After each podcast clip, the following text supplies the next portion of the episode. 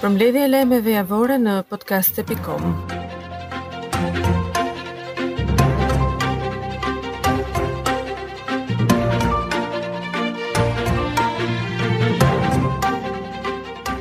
Sali Berisha dhe Ilir Meta kanë hapur zyrtarisht punimet për fushatën zgjedhore të katërmbëdhjetë majit në stadiumin Air Albania. Koalicioni i tyre, i quajtur Bashkë Fitojmë, prezantoi kandidatët për gjashtëdhjetë e një bashki të vendit. Partia Socialiste e ka hapur pak ditë më parë në Tiranë, me një organizim modest dhe me në qendër mbjelljen e pemëve, strategjia e re e të majtëve në këto zgjedhje. Ndërkohë Partia Demokratike Zyrtare, e drejtuar nga Enkelejd Alibeaj, ka caktuar tetëmbëdhjetë prillin për hapjen e fushatës. Pjesëmarrja në shkallët e stadiumit është e konsiderueshme. Air Albania është zgjedhur pikërisht për simbolin që mbart sepse edhe Kuvendi i parë i Sali Berishës me demokratët drejt rithemelimit është zhvilluar në këtë stadium. Sali Berisha ka vendosur që në këto zgjedhje të kandidojë disa nga deputetët e Partisë Demokratike si Belind Këlliçi për Tiranën dhe Luçiano Boçi për Elbasanin.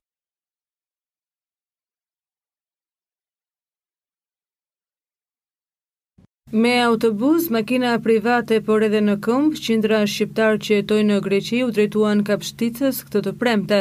Pashkët ortodokse kanë sjellë në vendlindje emigrantët shqiptarë. Pala greke dhe ajo shqiptare në doganë kanë punuar me kapacitete të plota, ndërsa emigrantët thanë se nuk kanë hasur vështirësi në kalimin e kufirit. Fluks emigrantësh kishte edhe në pikën kufitare të Kakavijës, Qindra shqiptarë kanë hyrë përmes kësaj pike kufitare të premten për të kaluar festën. Në doganën e Kapshticës po punohet me kapacitet të plotë me shtatë sportele, pesë në hyrje dhe dy në dalje. Përgjatë ditës së enjte në vendin tonë, nga pika kufitare e Kapshticës kanë hyrë rreth pesë mijë e tetëqind e gjashtëdhjetë e gjashtë shtetas dhe kanë dalë një mijë e tetëqind e nëntëdhjetë e tre. ndërsa po të enjten në Kakavijë kanë hyrë pesë mijë e tetëqind e gjashtëdhjetë e shtatë qytetarë dhe kanë dalë dy mijë e gjashtëqind e tridhjetë e nëntë. Ish-kryebashkiaku i Bulqizës, Lefter Alla është lënë në burg këtë të premte me një vendim nga Apeli i GKKO pas ankimit të bërë disa ditë më parë. Në një deklaratë për mediat, avokati i tij tha se pas drejtësisë shqiptare, ata do t'i drejtohen Gjykatës së Strasburgut, ku theksoi se gjendja shëndetësore e klientit të tij është e rënduar së fundmi. Lidhur me deklaratën e Allës se arrestimi i tij është politik, avokati tha se nuk ka tagër që të flasë mbi këtë çështje. Është gjithë kontradita, pastaj mbetet në Gjykatën e Strasburgut. Ai ka qenë në gjendje të rënduar shëndetësore, nuk kam tagër të them nëse arrestimi i tij është politik, tha ai. Kujtojmë se Alla është arrestuar nga SPAK për një abuzim me një tender me vlerë mbi dy pikë tetë milionë euro me akuzën e shkeljes së barazisë së pjesëmarrësve në tendera apo ankande publike dhe shpërdorim detyre. Po ashtu në burg janë lënë edhe dymbëdhjetë zyrtarë të tjerë të kësaj bashkie që kanë qenë anëtarë të komisioneve për tenderat publikë.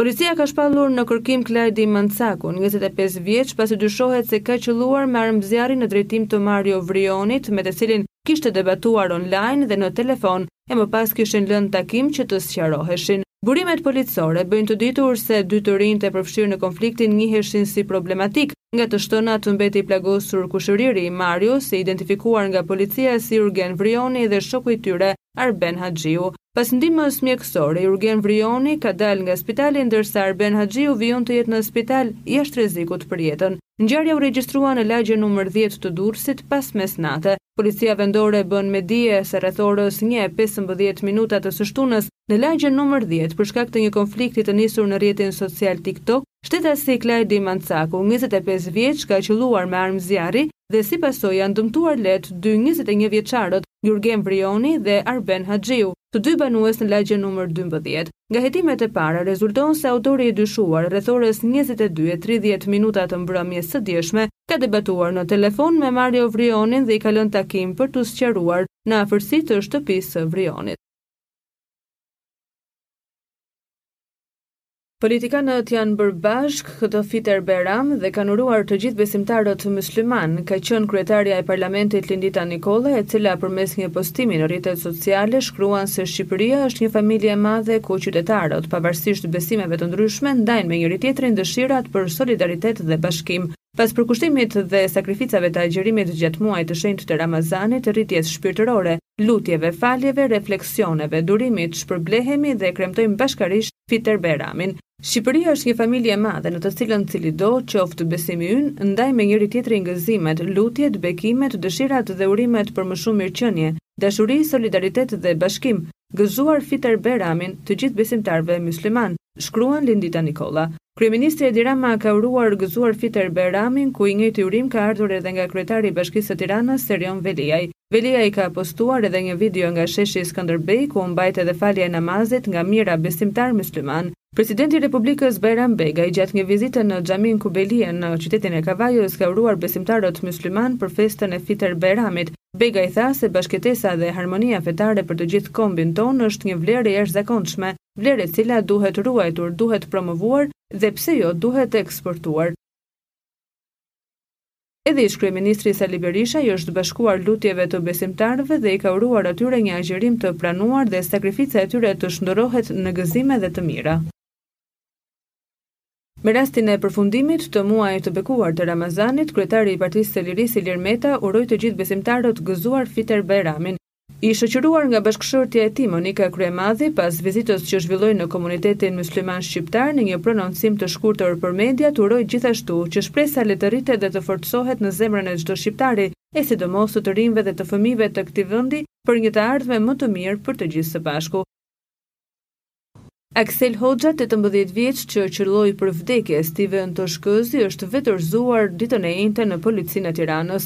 Autori i dyshuar, bashkë me shokun e tij, i kishin bërë pritë njëzet vjeçarit, teksa ai po kthehej nga puna pas mesnate dhe e qëlluan me thikë duke i shkaktuar vdekjen. Si rezultat i presionit të kontrolleve të pandërprera nga shërbimet e policisë dhe falë negociatave të vazhdueshme me familjarët, Ditën e sotme në DVP Tiranë është vetëdorëzuar shtetasi AH, tetëmbëdhjetë vjeç, banues në Tiranë. Ky shtetas më datë tetëmbëdhjetë i katërt i dy mijë e njëzet e tre rreth orës zero zero e pesëmbëdhjetë minuta në rrugën Skënder Sallaku në bashkëpunim me shtetasin me iniciale EM, tetëmbëdhjetë vjeç, arrestuar disa orë para ngjarjes, kanë goditur me mjete prerëse shtetasin ST, njëzet vjeç, i cili për pasojë ka ndërruar jetë, njofton Policia e Tiranës. Ndërkohë, shoku i arrestuar më herët ka rrëfyer përpara hetuesve se shkak është bërë një ngacmim që Aksel Hoxhaj i kishte bërë në rrjetet sociale të dashurës së viktimës. Të rinjtë ishin konfliktuar edhe më herët, ndërsa mesnata e tetëmbëdhjetë prillit ishte fatale për Stiven Toshkëzi.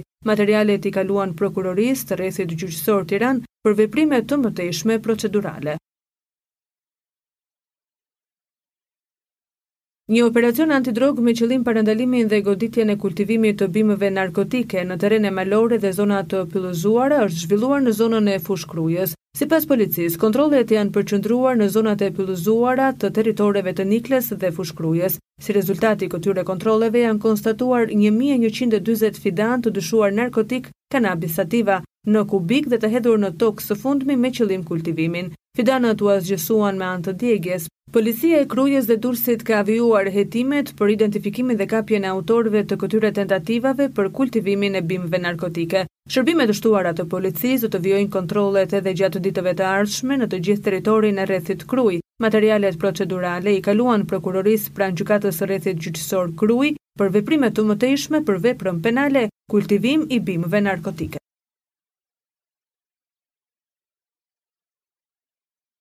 Edhe pse liberalizimi i vizave vlen për të gjitha vendet e zonës Shengen, mbajtësit e pasaportave të Kosovës nuk do të mund të udhëtojnë në Spanjë për shkak se ky vend, anëtar i Bashkimit Europian, nuk ia njeh pasaportat. Këtë e ka konfirmuar zëdhënësja e Komisionit Europian për Çështjet e Brendshme. E pyetur nëse qytetarët e Kosovës do të mund të udhëtojnë në Spanjë, ajo nuk e ka përmendur në mënyrë specifike këtë vend, duke thënë vetëm se liberalizimi nuk do të vlejë për një shtet. Njohja e dokumenteve të udhëtimit është një kompetencë shtetërore.